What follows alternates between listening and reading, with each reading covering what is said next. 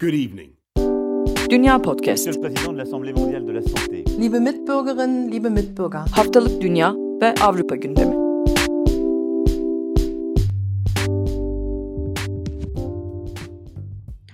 Dünya Podcast'tan herkese merhaba. Ben Nida Dinçtürk. Avrupa'nın ve dünyanın gündemini takip etmek üzere yeni bir bölümle karşınızdayız. Ekip arkadaşlarım Seda Karatabanoğlu ve Akın Art'la beraber. Bu haftada dünyada gelişen yeni yeni aşı haberleriyle beraber maalesef bizim de ülke gündemlerimizden e, Covid hala düşmüyor. Bugün günlerden 29 Kasım Pazar 2020. E, bu yoğun Covid gündemine nereden başlasak diye karar veremedik. E, bu yüzden bu hafta Almanya'nın gündemine göz atarak başlayacağız. Orada aslında e, Covid'in haricinde politik gelişmeler de var. Akın bize bu detayları aktaracak şimdi. Evet aslında bu hafta çok fazla politik gelişme vardı Almanya'da. Ben de çok heveslendim. Uzun bir süre sonra Almanya iç siyaseti konuşabiliriz belki anlatabilirim diye. Bu eski Vasistas günlerinde olduğu gibi falan. Ama geldi tabii ki pandemi gündemi büyük oranda e, politik gündemleri bastırdı. Yani Yeşiller Partisi programını açıklamıştı geçen hafta mesela kongresinin ardından. Kevin Kühnert, SPD'nin başkan yardımcısı ve Gençlik Kolları Başkanı uzun bir süre sonra gözyaşları içinde Gençlik Kolları Başkanlığını bırakmak zorunda kaldı. Sonraki seçimlerde meclise girmek için büyük ihtimalle. AFD kongresini online platforma taşımayacağını söyledi. Biz bir virüs yüzünden kongre erteleyeceksek demokrasimiz çoktan ölmüştür falan böyle beylik beylik laflar Wow. işte. Biz de böyle... Vay be. evet doğrudur Dünya falan diye. Podcast ekibi bunu beğendi. Etkileyici. Aynen öyle. Neyse ama biz bunları konuşamayacağız bugün. Böyle aktardım ama beklenti yaratıp belki başka programlarda. Şimdi Almanya'da daha önce alınan Kasım ayını kapsayan önlemlerin uzatıldığı ve bir miktar ağırlığının artırıldığı, sertleştirildiği açıklandı. Eyalet başkanlarıyla federal hükümet arasında yapılan toplantının ardından e, bu yeni önlemlere göre iki hane en fazla ve maksimum 5 kişinin buluşabilmesi artık serbest. Daha önceden 2 hane 10 kişi gibiydi bu durum. E, 14 yaş altı çocuklar sayılmıyor bu arada. Bu e, sayıya dahil edilmiyorlar. E, maske zorunluluğunun kapsamı artırıldı. Yani daha kamusal alanda kalabalık yerlerde daha fazla artık kullanılacak.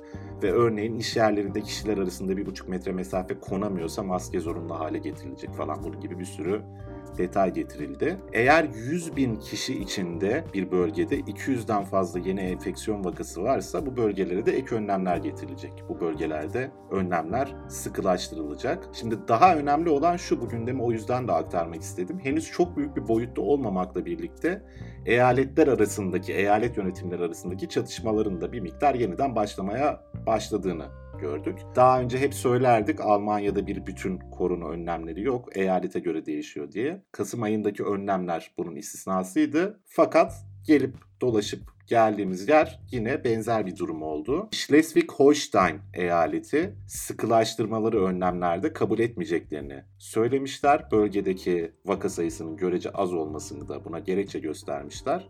Aynı önlemleri Kasım ayındaki uygulamaya devam edecekler. Hatta güzellik salonları ve hayvanat bahçelerinin de yeniden açılacağını belirtmişler. Sachsen-Anhalt, Saksonya-Anhalt eyaleti de buluşma sınırlaması için iki hanenin mantıklı olduğunu ama kişi sayısının 5 olmaması gerektiğini, daha doğrusu buna bir sayı konulmaması gerektiğini söylemiş. Bu sayı dayatmasının hayatın ve toplumun gerçeklerine aykırı olduğunu söylemiş. Onlar da bu e, düzenlemeyi uygulamayacaklar. Saksonya eyaleti de bahsetmiştim. 100 binde 200'den fazla vaka varsa eğer ek uygulamalar getirilecek vesaire diye. Belli bölgelerde ek uygulamalar getirmeye başlayacak. Çünkü vakaların patlama yaptığını görüyoruz Saksonya'da. Son 7 günde 100 bin kişi içinde 226 kişiye yükselmiş korona vakaları. Bu oldukça yüksek bir sayı. Örneğin Berlin'de bu oran 178. Oradan kurabilirsiniz. Bu arada Berlin şehir olmanın yanında bir eyalet. Aynı zamanda 3,5 milyonluk bir nüfusu var. Saksonya'nın da 4 milyonluk eyalet olarak bir nüfusu var. Oradan kıyaslayabilirsiniz durumun vehametini.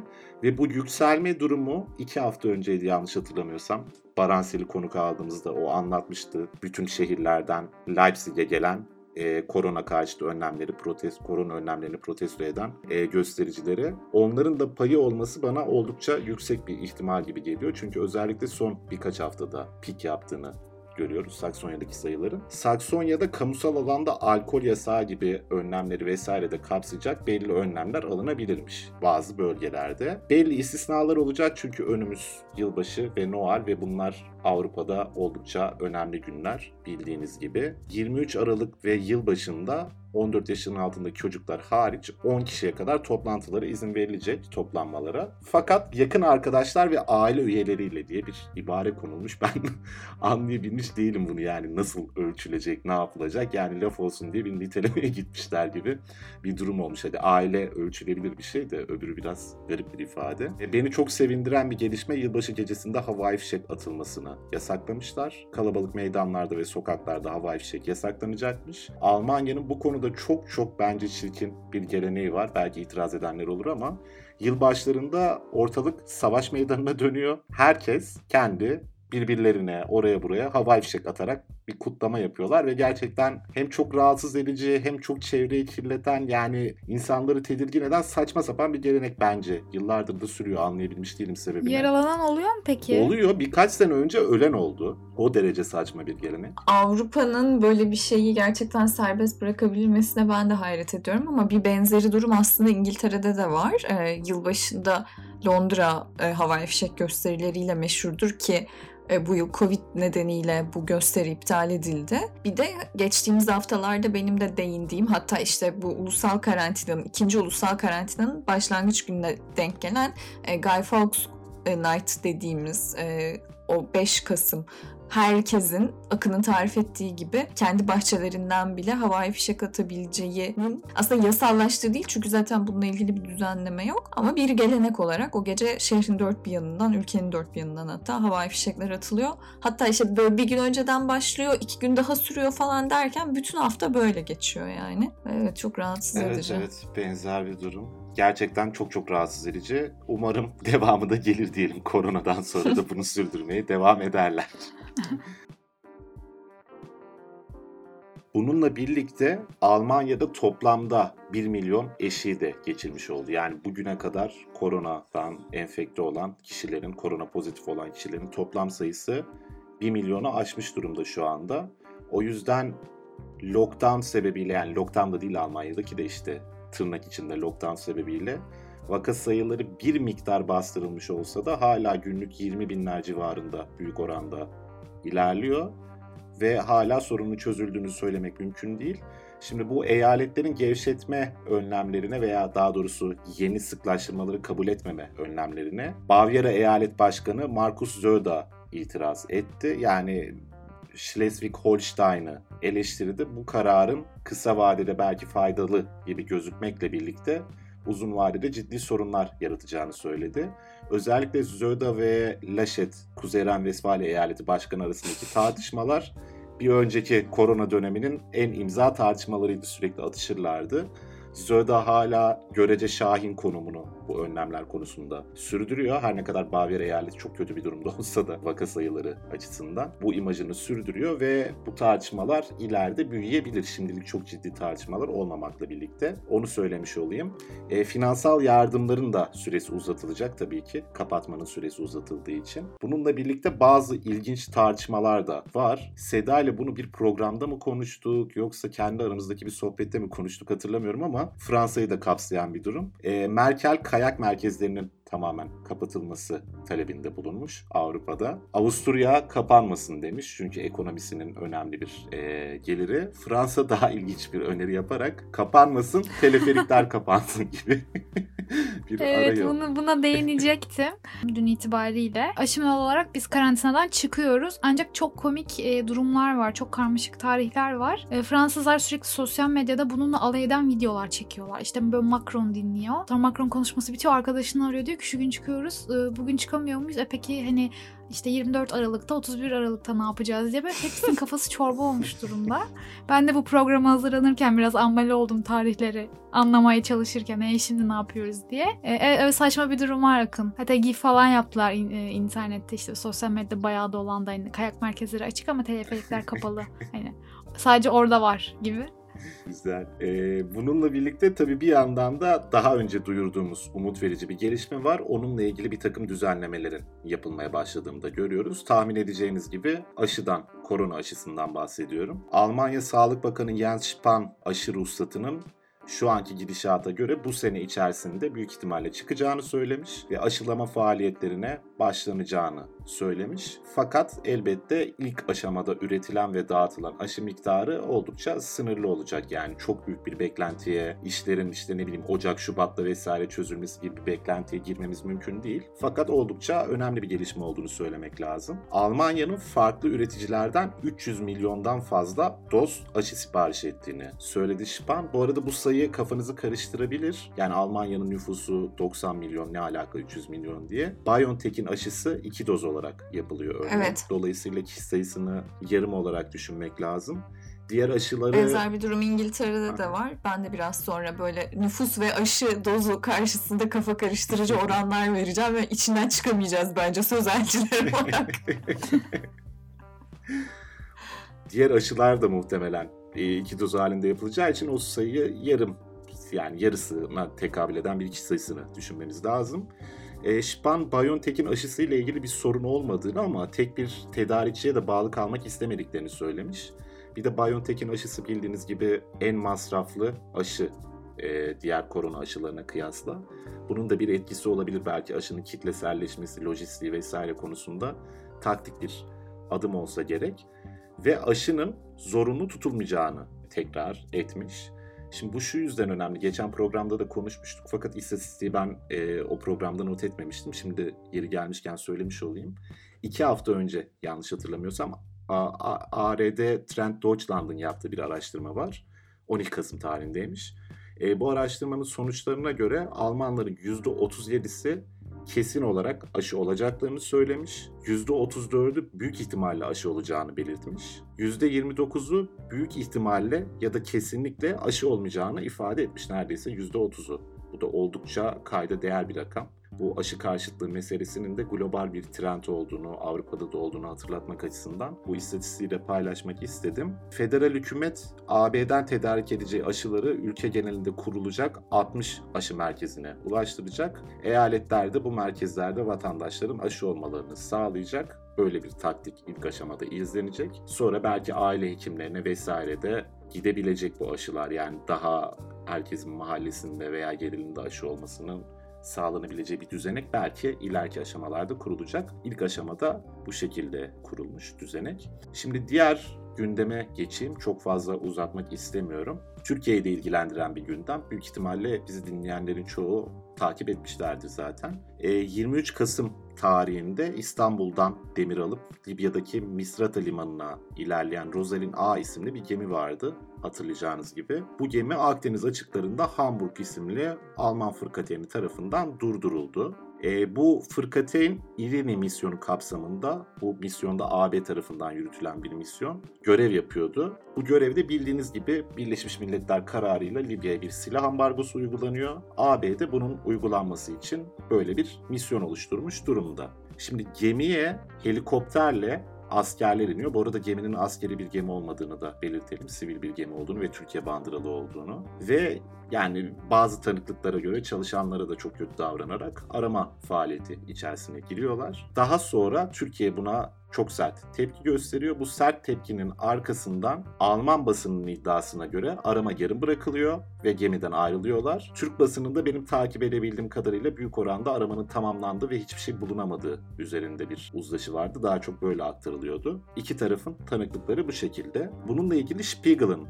bir haberi var. Spiegel şunu söylemiş. Bahsi geçen geminin Rosalind A'nın daha önce illegal silah sevkiyatında bulunduğuna dair uydu görüntüleri olduğunu söylemiş. Bu görüntülerin de bu gemi üzerinde bir ciddi şüphe oluşturduğunu söylemiş. Şimdi bu haber doğrudur, yanlıştır vesaire başka bir şey. Fakat her zaman özellikle bu tarz konularda yapılan haberlere şüpheyle bakmak gerekiyor bence. Çünkü dünyanın her tarafında bazen devletler manipüle etmek için bilgi sızdırırlar. Bazen zaten ana akım medya kuruluşları bunu doğalında kendi kendilerine yapmak isterler belli manipülasyonları. Şimdi açık sularda seyahat eden bir ticari gemiden bahsediyoruz. Ben hukukçu değilim ki hukukçu olsam bile deniz hukuku zaten apayrı bir alan. Ama yani kendi çapımda program öncesinde yaptığım araştırma ve konuştuğum birkaç hukukçu arkadaştan aldığım bilgilere göre böyle bir aramanın bayrak sahibi ülkenin rızası olmadan normalde yapılması yasa dışı Türk basınında bahsedilen mesele de bu zaten. Bunun üzerinden çok sert tepki gösterildi Türkiye'ye. Bunun bir takım istisnai halleri var. Bunlar çok uzun hukuki tartışmalar ve benim de uzmanlığım olmadığı için giremeyeceğim. Fakat bu istisnalar büyük oranda e, kuvvetli şüphe ihtimali üzerinde duruyorlar. Şimdi siz bir uydu görüntüsü olduğunu iddia ettiğinizde kuvvetli şüphe olduğuna dair de bir tez ortaya atmış oluyorsunuz. Yani Spiegel'ın haberi doğrudur yanlıştır dediğim gibi bunu bilmiyoruz. Fakat böyle bir politik fonksiyonu olduğunu da not edersek meselenin tamamını kavramakta daha e, sağlıklı hareket edebiliriz. Bununla birlikte şunu da aklımızda tutmamız lazım. Hatırlarsınız büyük ihtimalle. Daha önce BBC'nin araştırmacı gazetecilik programı African Eye, Türkiye'den kalkan hayalet gemilerle ilgili bir haber yapmıştı ve bu haber uluslararası alanda çok ses getirmişti. Bu habere göre Libya'ya silah kaçırdığı iddia edilen bir takım gemiler Türkiye'den hareket ediyordu ve bu hareketin kendisi Berlin Konferansı ilkelerini ihlal ediyor. Yani çok önemli de bir haberdi ve büyük oranda gerçekten ortaya koyuyordu aslında Türkiye'nin böyle faaliyetler içerisinde bulunduğunu. Şimdi şunun altını çizmek gerekiyor. Ben de Türkiye'nin böyle faaliyetlerde bulunma ihtimalini çok çok kuvvetli görenlerdenim. Yani bütün göstergeler bunu gösteriyor zaten ve bu da mevcut uluslararası hukuka aykırı. Fakat şunu da akılda tutmak gerekiyor. Yani uluslararası ilişkiler biraz karmaşık bir alan olduğu gibi. Bir, Türkiye zaten bu İrini misyonunu tek taraflı gördüğü için tanımıyor. Şimdiye kadar bu yönde bir tutum izledi. İkincisi bu tarz bir hareketin yapılması çok ekstrem bir hareket. Yani bunun çok ciddi dayanakları olmadığı sürece böyle bir arama faaliyeti yaptığınız zaman karşı tarafın tepki göstermesinde şaşırılacak bir şey yok. Onu belirtmek lazım. Şimdi bunu neden söyledim ve belirttim? Çünkü Spiegel'ın haberinde bence çok mantıksız birkaç tane varsayım var. Şimdi bunun... Akın detaylara girmeden ben görüntüleri yayınladılar mı? O iddia ettikleri görüntüleri, uydu görüntülerini. Yok hayır. Yani bu şu şekilde iddialaştırılmış. Yani elde ettiğimiz bilgilere göre bakanlıklardan, devlet içerisinden hmm. bu yönde kanıtlar var. Daha doğrusu tam ifade hani böyle olabileceğine... Devlet kaynaklarına dayandırılıyor yine evet, bu haber evet, aslında. Böyle olabileceğine işaret eden görüntüler var kaynaklarımıza göre demişler. Fakat görüntüleri yayınlamamışlar. Tabii onlarda görüntüleri izledim diyebilecek bir gazeteci de yoksa bu e, iddia tamamlanmıyor olabilir. Biz böyle tartışıyoruz burada. ya dikkatli bir dil kullanmaya başlamışlar. Ya aslında şunu demişler de ben bunun tercümesi böyledir çünkü yani diller arası bir tercümeden bahsetmiyorum. Normal konuşma diline tercümesi böyledir. Böyle olabileceğine işaret eden görüntüler var diye haber yapıyorsanız bir iddiada bulunuyorsunuzdur. Diyorsunuzdur ki uydu görüntüleri var. Türkiye'nin silah kaçırdığını ispat ediyor. Yani dili yumuşatmak burada bence bir şey ifade etmiyor. Onu belirtmek lazım. Şimdi Spiegel'ın haberinde benim biraz güldüğüm konu. Şimdi demişler ki Alman askerleri gemide bulunan yaklaşık 100 konteynerden çok azını kontrol edebildi. Kontrol edilen konteynerlerde silah bulunamadı. E, Spiegel ayrıca belirtmiş ki Türkiye'nin gösterdiği sert tepki Avrupa Birliği diplomatları tarafından gemide yasa dışı mallar bulunduğu yönündeki şüphenin doğru olduğunu bir göstergesi olarak değerlendirilebilir. Yani Türkiye buna tepki gösteriyorsa demek ki silah kaçırıyordur gibi çocukça bir argüman sunulmuş. Yani bu evet biraz ciddiyet demek lazım gerçekten. Şimdi bir diğeri buna benzer bir açıklama. Sol Parti milletvekili Andrei Hunko, eğer bu gemi iddia edildiği gibi insansız hava aracı ve teçhizat kaçırmıyorsa Türk hükümetinin geminin aranmasına neden itiraz ettiği sorusu yanıtlaması sorusunu yanıtlaması gerekiyor. Ya birincisi Abi yok artık. O zaman kanunsuz ev baskınlarına da karşı çıkmayalım. Evde bir şey yoksa niye karşı çıkıyorsun? Ya aynen öyle. Şimdi şu başka bir şey. Dediğim gibi Türkiye'nin böyle faaliyetler içinde bulunduğuna dair çok çok kuvvetli deliller var. Ben de buna inanma yönünde bir eğilim sergiliyorum kendi adıma.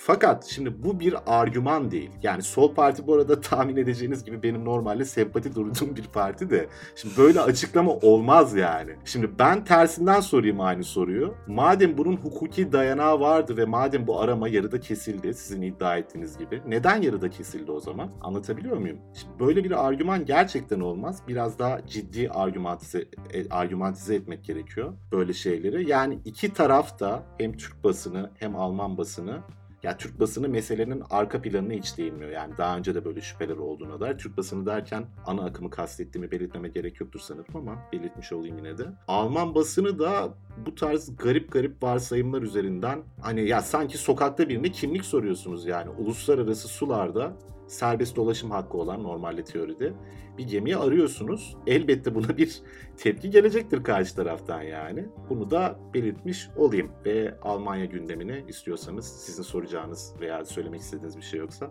kapatalım. Aslında oldukça yoğun e, bir gündem hakikaten bu Libya gündemi. Bence gayet iyi detaylarıyla aktardın Akın. Benim bir sorum yok. Teşekkür Benim de sık sık araya girdim zaten.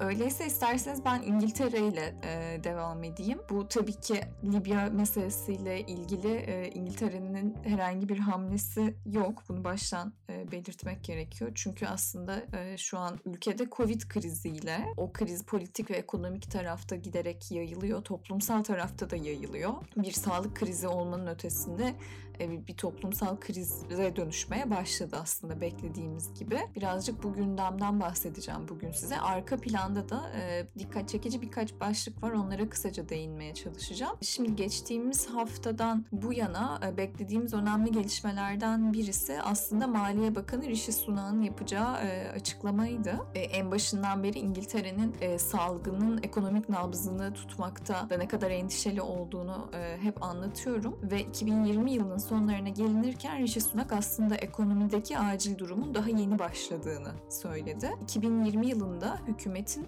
394 milyar sterlin borçlanmasının beklendiğini ve bunun 2. Dünya Savaşı sonrası kaydedilen en yüksek düzeydeki borçlanma olacağını belirtti. Şimdi şu anki resmi verilere göre İngiltere'de 1.62 milyon işsiz var. Ee, gelecek yıl ortalarında işsiz sayısının maalesef 2.6 milyona, işsizlik oranının da %7.5'a yükselmesi bekleniyor. Bu tabii ki oldukça korkunç bir rakam. E, yıl sonuna kadar da e, hükümetin koronavirüsle mücadele adına e, toplamda 280 milyar sterlin harcama yapmış olacağını belirtti Sunak. Önümüzdeki yıl içinde en düşük ücret diliminde çalışanlarla doktor ve hemşireler diğer sağlık görevlileri dışında kamu çalışanlarına herhangi bir ücret artışı yapılmayacağını yani aslında bir tür tasarruf tedbirine gidildiğini e, kaydetti. Diğer taraftan İngiltere ekonomisinin bu yıl %11.3 daralması bekleniyor ki bu da son 300 yılın en büyük düşüşü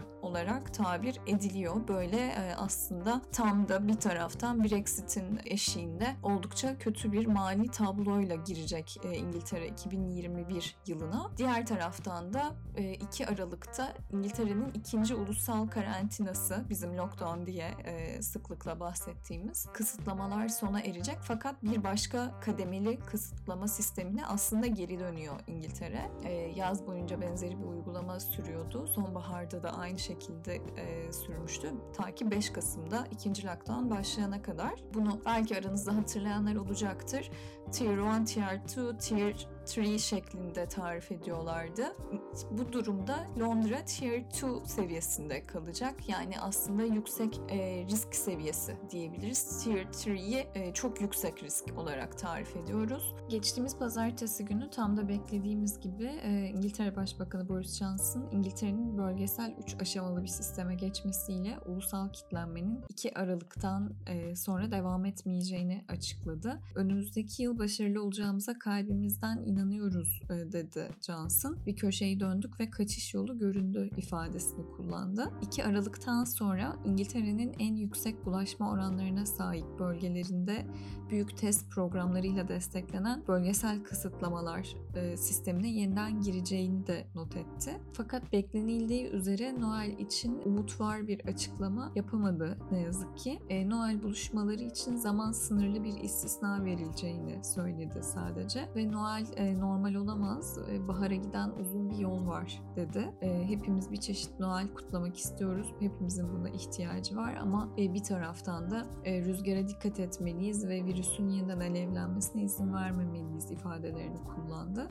E, Johnson'ın yaptığı önemli açıklamalardan birisi aslında yürütülen büyük aşı kampanyasına rağmen zorunlu bir aşı sisteminin uygulanmayacağıydı. Çok açıkça Johnson aşı karşıtı tutumu reddettiğini belirtti fakat hiç kimseye zorla aşı yapılmayacağını ifade etti. Bu ülkede bu işleri biz böyle yapmıyoruz dedi çok açıkça. Ama herkesin de mümkün olur olmaz aşı yaptırması gerektiğine vurguda bulundu. Bununla beraber The Sun gazetesinin bir hükümet kaynağını dayandırdığı iddiaya göre Johnson'ın geçiş aşaması olarak tarif ettiğini de söyleyebileceğimiz bu e, kademeli önlemler silsilesini Paskalya'ya kadar sürdürebileceği iddiası ortaya atıldı. Ve aslında bunun da e, tıpkı İtalya'da salgının ilk dalgasında gözlemlediğimiz gibi hastane kapasitelerinin yetmemesi trajedisinin İngiltere'de yaşanmaması için alınmış bir tür önlem olduğuna değinildi. Tabii aslında bu iddia e, hükümet tarafında da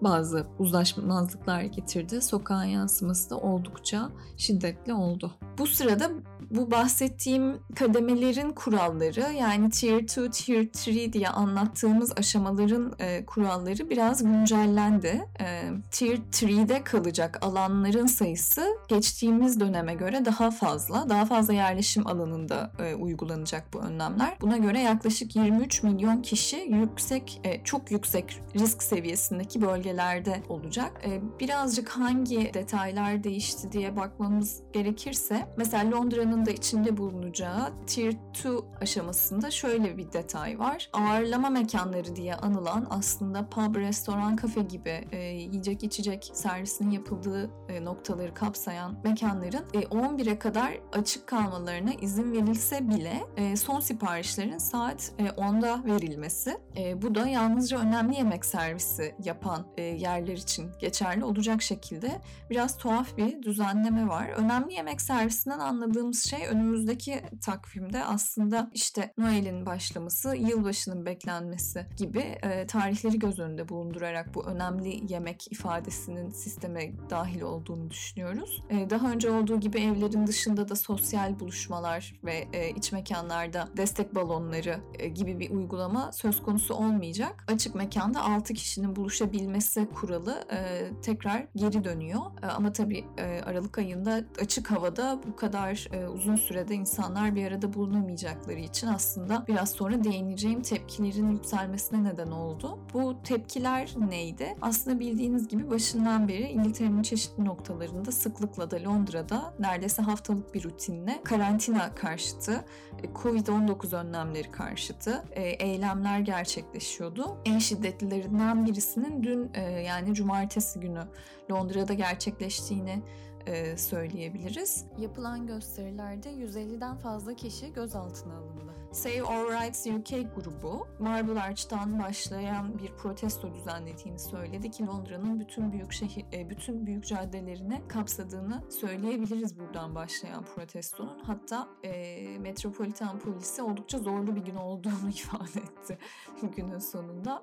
Polisler yuhalandı, yüz maskesi karşıtı dövizler dikkat çekti. Hatta Noel için tek istediğim özgür, özgürlüğümün geri dönmesi gibi dövizleriyle aslında e, Noel Baba kıyafeti giymiş protestocular da kalabalıkta dikkat çekti. Bir bizi kontrol etmeyi bırakın yazılı dövizler vardı. E, biraz artık tansiyonun düşürülmesinin güç olduğu noktaya geldiğimizi anlayabiliyoruz. Tabii bu e, toplanmalar aslında bir taraftan da mevcut koronavirüs düzenlemeleri kapsamındaki toplanma yasağına karşı e, kabul edilebilir düzeyde bulunmuyor ve polis e, çoğunlukla eylemcileri bu başlıkla uyarıyor fakat tabii ki bir işe yaramıyor. E, bir diğer önemli başlık aslında bu hafta için İngiltere e, aşıdan sorumlu bakan atadı. Ben bunu Dünya Podcast ekibine gündemimden bahsederken başbakanının bu kadar sık Covid'le hemhal olduğu bir ülkede çok beklenen bir atama diye özet geçtim. Boris Johnson muhafazakar milletvekili Nadim Zahavi'yi Covid-19'la mücadelede ülke genelinde geniş çaplı başlatılacak aşı kampanyasından sorumlu bakan tayin etti. Az önce Akın'ın da Almanya'daki e, siparişlerin detaylarını aktarmasına ek olarak İngiltere'de Pfizer ve BioNTech'in geliştirdiği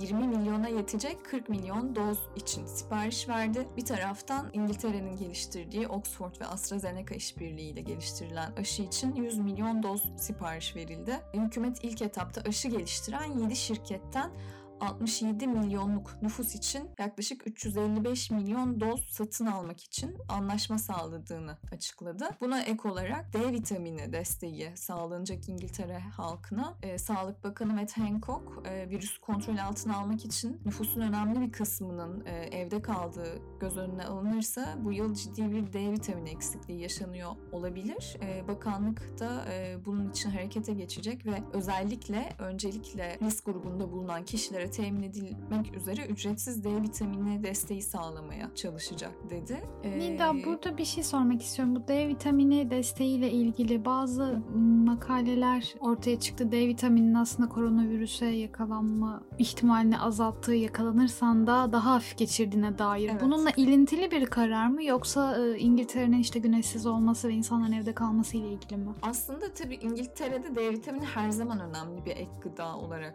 yer aldı. Ee, ama şöyle mesela İngiltere Halk Sağlığı Kurumu kemiklerin, dişlerin ve kasların sağlıklı kalması için D vitamini önemli. Bu nedenle yaşlı ve hassas bünyelere destek olmak istiyoruz diye bir açıklama yaptı. Ama e, daha önceden e, işte gene Ulusal Sağlık Sistemi'nin yayınladığı raporlarda senin de belirttiğin gibi koronavirüs riskini azaltmak için D vitaminin önemli olduğu açıklanmıştı. Hatta bir grup bilim insanı da e, bunun Covid-19'la mücadele kapsamında çok yoğun tüketilen ekmek, süt gibi gıdalara D vitamini eklensin çağrısıyla da dikkat çekmişti geçtiğimiz aylarda. Hükümete bu yönde bir çağrıda bulunmuştu. E, o yüzden muhtemelen kanıtlanmış bir etki değil fakat e, önemli bulunan bir destek olduğu böyle bir hamle geldi hükümet tarafından.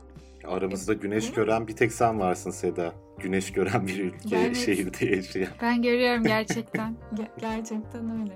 Bunun dışında önemli olduğunu düşündüğüm birkaç başlıktan bahsetmek istiyorum. Ee, BBC'nin 2020 yılı için belirlediği ilham verici ve etkili 100 kadın e, listesinde Gülsüm Kav'ı gördük bu yıl ki şahane bir haberdi. Beni de çok Türkiye'de- mutlu etti. Evet, e, Türkiye'de Kadın Cinayetlerini Durduracağız platformu genel temsilcisi e, Gülsüm Kağ. BBC'nin bu 100 Kadın projesi 2013 yılında başlamıştı ve her yıl ilham veren öncü kadınlar e, bu listede anılıyor. Bu yıl e, için önemli bir başlık bir taraftan aslında 100 Kadın listesinin ilk sırasında dünyanın her tarafında başkalarına yardımcı olmak için fedakarlıkta bulunan sayısız kadına ithaf edildi ve isimsiz kahraman başlığıyla boş bırakıldı. Bu da bence oldukça dikkat çekici bir başlık.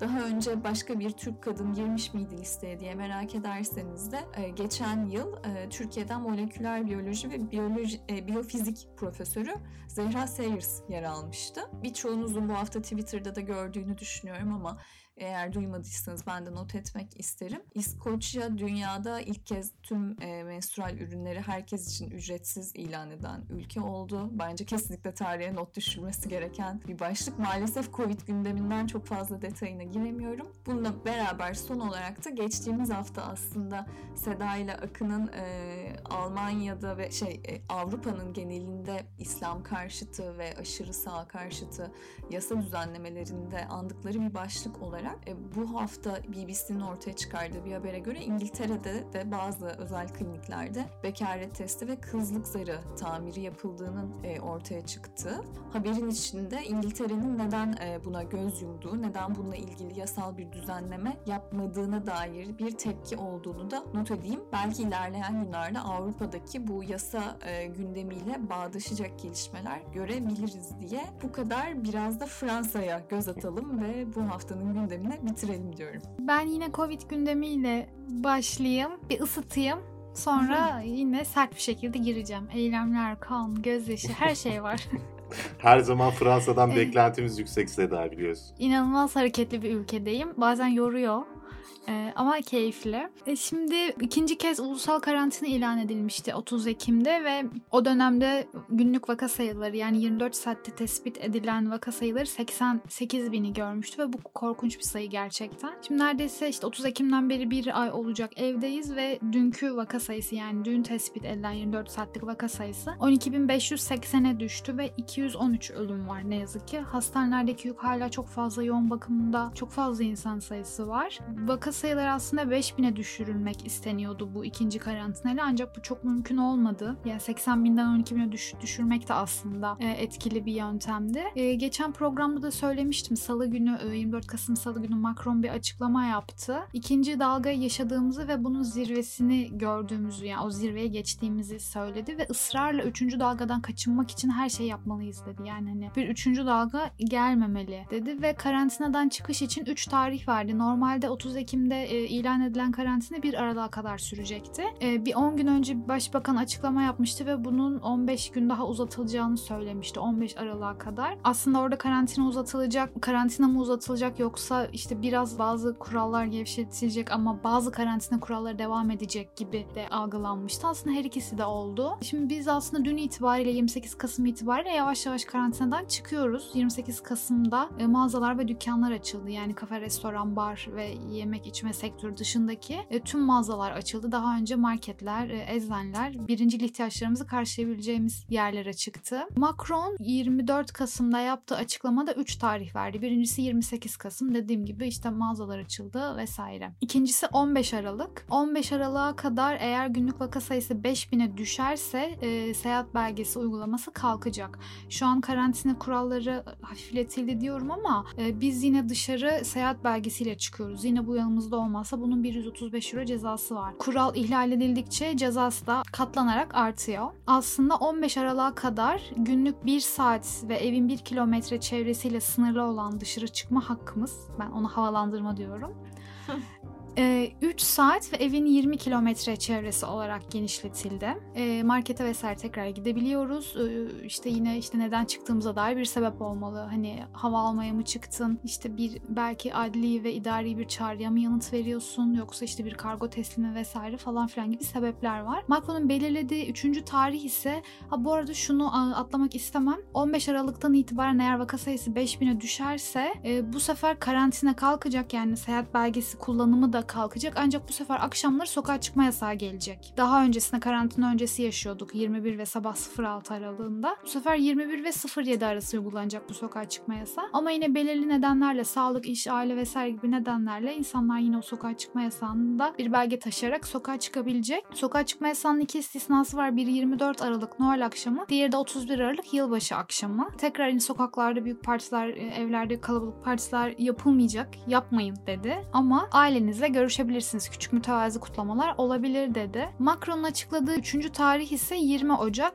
Yine 20 Ocak'ta vaka sayısı istenen seviyeye gelirse yani aslında bu 5000 olarak belirtiliyor. Restoranlar açılacak. E, barlar içinse açılma tarihi 1 Şubat olarak belirlendi. Yine salgının yayılma durumuna göre 3 Şubat'tan itibaren üniversitelerin yüz yüze eğitime dönmesi mümkün olabilir. Yani bu ihtimal e, konuşuluyor. Şimdi çok karmaşık tarihler söyledim. Ben de çalışırken tarihlere çok yo- yordu beni. Az önce Akın konuşurken de bahsetmiştim. Fransa sosyal medyasında büyük alay konusu oldu. E, ne zaman çıkıyoruz, ne yapıyoruz vesaire gibi. Gerçekten çok karmaşık olaylar. Hani şeye bu o, küçük tarihleri karıştırarak kuralları tırnak içinde ihlal eden biri ceza yerse çok üzülürüm gerçekten. Çünkü anlaması gerçekten çok zor. Bir denklem gibi. Macron konuşmasında aşıya da değindi. Daha önceki programlarda Fransa'daki aşı karşıtlığının ne kadar yükseldiğini, yüksek olduğunu anlatmıştım. Macron aşı, zorunlu aşı olmayacağını söyledi. Çünkü hani halk sağlığı için acaba zorunlu aşı olmalı mı tartışmaları vardı. Siz asla aşı zorlamayacağım dedi. Ee, Jacobin'in kalesi de düştü be. Gerçekten. Fransa'dan bekliyordum en azından ben. işte demokrasi böyle bir şey galiba Biz çok alışık değiliz ama böyle bir şey. Ee, Aralık sonu Ocakbaşı aşı çalışmaları başlayacak dedi. Ee, dediğim gibi daha geçen hafta söylediğim gibi üç farklı e, laboratuvarla e, 30 milyon doz yani 3 yani 30 milyon doz çarpı 3 e, gibi bir anlaşma yapmıştı Fransa aşı için. Aşıda öncelikle risk altındaki grupların aşılanacağını söyledi. Hatta kronik hastalar e, doktorlar tarafından aranmaya başlanmış. Aşı listesine alınmaya başlanmış. Onun dışında aşı çalışması açık ve şeffaf bir şekilde iler- ilerleyecek ve burada yani bu aşamalarda bildik tüm bilgileri sizinle paylaşacağız dedi. Bugün bir yazı vardı e, Le Journal du Dimanche'da. 1,5 milyon Fransızın Ocak ayında yani iki dozu da alabileceğini yazdı. İki doz aşıyı da tamamlayabileceğini yazdı 1,5 milyon Fransızın. Aslında şu ana kadar hiçbir aşı Avrupa İlaç Ajansı'ndan onay almadı ancak pek çok devlet hazırlığa başladı. Ee, Almanya'da da görüyoruz işte büyük binalar, belki spor salonları, belki halkın toplanma yerleri, laboratuvar, e, aşı merkezine çevriliyor. İngiltere'de aşı bakanlığı atandı. E, bu arada bizim sürekli atladığımız bir şey ama Fransızlar bunu çok e, gerçekten yokluğunu hissediyor. Müzeler, tiyatrolar ve sinemalar kapalı çok uzunca bir süredir. E, onlar da 15 Aralık'tan itibaren açılacak. Yine sağlık protokolüne uygun olarak. Marketler de artık hani yani marketler mağazalar da açıldı. Onların da metrekaresine göre işte 4 ya da 6 insan gibi değişen e, uygulamalar olacak. Bu protokollere uyulması ne kadar mümkün bilmiyorum. Dün işte dün ve bugün e, Medyapod'un podcast zirvesindeydik. Dün program bittikten sonra market için dışarı çıktım ama korkunç bir kalabalık var. Çünkü hem ilk gün hem cumartesi hem artık Noel geliyor. İnsanlar alışveriş yapıyor. Hani sokakta bile açık havada bile o kadar tedirgin oldum ki hani psikolojik olarak bu durumu atlatmak galiba zaman alacak. Yani aşı olsa bile hani o insana yaklaşmaktan korkmama e, galiba vakit alacak. Fransa'nın diğer iki gündemi aslında polis şiddeti ve eylemleri içeriyor. Geçen bölümde anlatmıştım. Küresel güvenlik yasası e, görüşülüyor mecliste 17 Kasım'dan bu yana. Hatta tartışmalı bir 24. madde vardı. Görev başındaki güvenlik güçlerinin videosunu, fotoğrafını çekmek, kimliğini açık etmek cezalandırılacaktı bir, bir yıl ve 25 bin euro para cezasıyla. E, buna dair e, cumartesi günü dün e, eylemler düzenlendi. E, Le Parisien haberine göre Fransa'nın 70 kentinde binlerce kişi sokağa çıktı. Polis e, İçişleri Bakanlığı'nın verdiği sayıya göre tüm Fransa'da 133 bin kişi eylemlere katıldı. Bu sadece Paris'teki kalabalığı gördüğünüzde bile komik bir sayı kalıyor aslında. Eylemi düzenleyen e, sivil toplum kurumlarına göre de 550 bin kişi sokaktaydı. E, Paris'te tabii ki en e, büyük ve kalabalık eylem gerçekleşti. Bastil Meydanı'nda toplanmıştı eylemciler ve eylemin sonlarına doğru polisle eylemciler arasında bir e, çatışma çıktı. Aslında hem eylemcilerden hem polisten çok sayıda yaralanan oldu. İçişleri Bakanı 37 jandarma ve polisin yaralandığını söyledi. Bu esnada işte ilerleyen saatlerde tabii eylemciler barikat kurdu. Bir büfeyi yani büfe diye çevirebilirim belki bir gazete bayisi hem de böyle küçük atıştırmalıkların satıldığı bir yeri ateşe verdi eylemciler ve Merkez Bankası'na ait bir şubenin ön cephesi ateşe verildi. Bu Türk basınında çok takipçili de olan birkaç hesap hemen Fransa Merkez Bankası antikapitalist sloganlar eşliğinde ateşe verildi diye heyecanlandı ama hem ön cephenin ateşe verilmesi söz konusu. Bina tamamıyla yakılmadı. Hem de Türkiye'de heyecan yarattığı kadar Fransa'da heyecan yaratmadı bu durum aslında. Çünkü ona yönelik yani bir Merkez Bankası'na yönelik kapitalizm karşıtı bir eylem de değildi aslında. Temeli bu değildi. Hem polis şiddetine karşı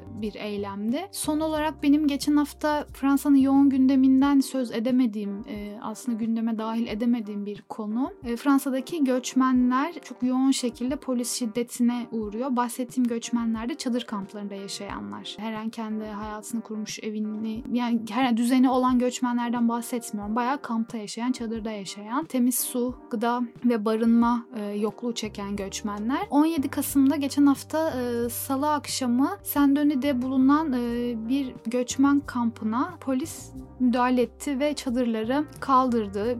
Joplayarak insanları işte göz yaşartıcı gaz kullanarak çok sert bir şekilde e, müdahale etti göçmenlere. Daha sonrasında bu, bu kampta bu arada e, 3000'e yakın göçmen yaşıyor. Doğal olarak tabii hem e, göçmenler, göçmenlere destek veren sivil toplum kuruluşları ve yurttaşlar 23'ünü 24'üne bağlayan gece yani geçtiğimiz hafta pazartesi salıya bağlayan gece e, Republik Meydanı'nda bir eylem düzenledi. Eylem dediğimin e, içeriği de şöyle çadır götürdüler oraya göçmenler için. Çünkü polis hem çadırları dağıttı hem eşyalarını dağıttı hem yemek yiyip içtikleri e, materyalleri dağıttı, battaniyelerini aldı. Her şeyi yok etti aslında yani bir e, barbarca bir saldırıydı. Daha sonrasında e, aynı şekilde Republik Meydanı'na da polis saldırdı. Bu sefer önüne ne geldiyse yıktı. Yani karga tulumba bir saldırıydı yine. E, bu tartışmalı 24. madde, küresel güvenlik yasasının 24. maddesinde aslında nelere yol açabileceğini görmüş olduk. Çünkü e, Fransa'nın tanınmış bir gazetecisi, Brüt'te çalışan Remy Buzin 3 kere polis tarafından şiddete uğradı. Bir tanesinin videosunu gördüm ben. Bayağı böyle elinden ayağından tutup yere atıyor polis gazeteciye. Ve ben kendisini bu gazeteciyi e, Lübnan'daki patlamadan sonra Lübnan'dan yaptığı yayınlarla tanımıştım. Hem e, sosyal medyada takipçi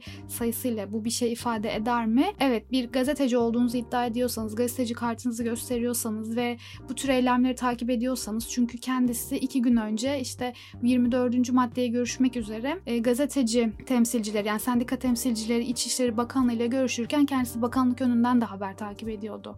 Yani nasıl diyebilirim belki çok doğru bir karşılaştırma olmayabilir ama Ahmet Şık'ı nasıl birçok eylemde görev alan polis tanıyorsa kendisini öyle tanıyabilirler diye düşünüyorum aslında ben. Üç kez darp edilmesi gerçekten çok korkunç. Üstelik e, birkaç gün öncesinde e, bu 24. maddenin geçmesi, polise e, büyük şiddet, polise dair bir şiddet yetkisi vermesi ve işte gazetecilerin aslında görevini yapmasını engellemesi gerçekten tedirgin ediyor. Bazı konularda galiba Avrupa hani Türkiye'nin gerisinden geliyor yani hani e, antidemokratik uygulamaları galiba bizden görüyor yani korkunç bir şekilde. Bu arada dünkü yapılan eylemde de e, bir tanesi Suriye Savaşı'ndan kaçarak ülkesini terk etmek zorunda kalan bir gazeteci, diğeri de e, Fransız bir gazeteci. Ağızları yüzleri kan içindeydi. Yani sadece eylemi takip ettikleri için polis şiddetine e, maruz kalıyorlar. Korkunç yani hani o görüntüler e, gazetecilere yapılanlar aslında gaz yani polisin yaptığı şiddeti her hepimizin bildiği gibi gazetecilerin onu belgelemesini istemiyor polis ve korkunç bir şiddet uyguluyorlar. Yine çok keyifli konular anlatmadım ama keyifli zamanlardan da geçmiyoruz. Fransa gündemi bu haftalık böyle. Peki aslında bu hafta oldukça dolu dolu ve belki de en uzun programlarımızdan birisini kaydettik. Ben de daha eklemek istediğiniz başka bir şey yoksa aslında bir sonraki hafta görüşmek üzere programı kapatabilirim. Kapatalım. Peki. E, demokrasiyle programı kapatmaya karar verdik. Oy birliğiyle. Hafta, evet umarım önümüzdeki hafta biraz daha hafif ve daha iyimser bir gündemle e, dönebiliriz size. Bu arada Dünya Podcast'ın bültenlerine abone olmayı unutmayın lütfen. Dünya.media e, uzantısından ulaşarak bizim haftalık bültenimize abone olabilirsiniz. Bu bölümde konuştuğumuz haberlerin kaynaklarını ve kısa Türkçe özetlerini artı görsel materyallerini bulabileceğiniz bir bülten. E, çok teşekkür ederiz. Haftaya görüşmek üzere. Görüşmek üzere. Bu bir podcast dahadır. Mediapod. İletişim için mediapod.com ya da @mediapod.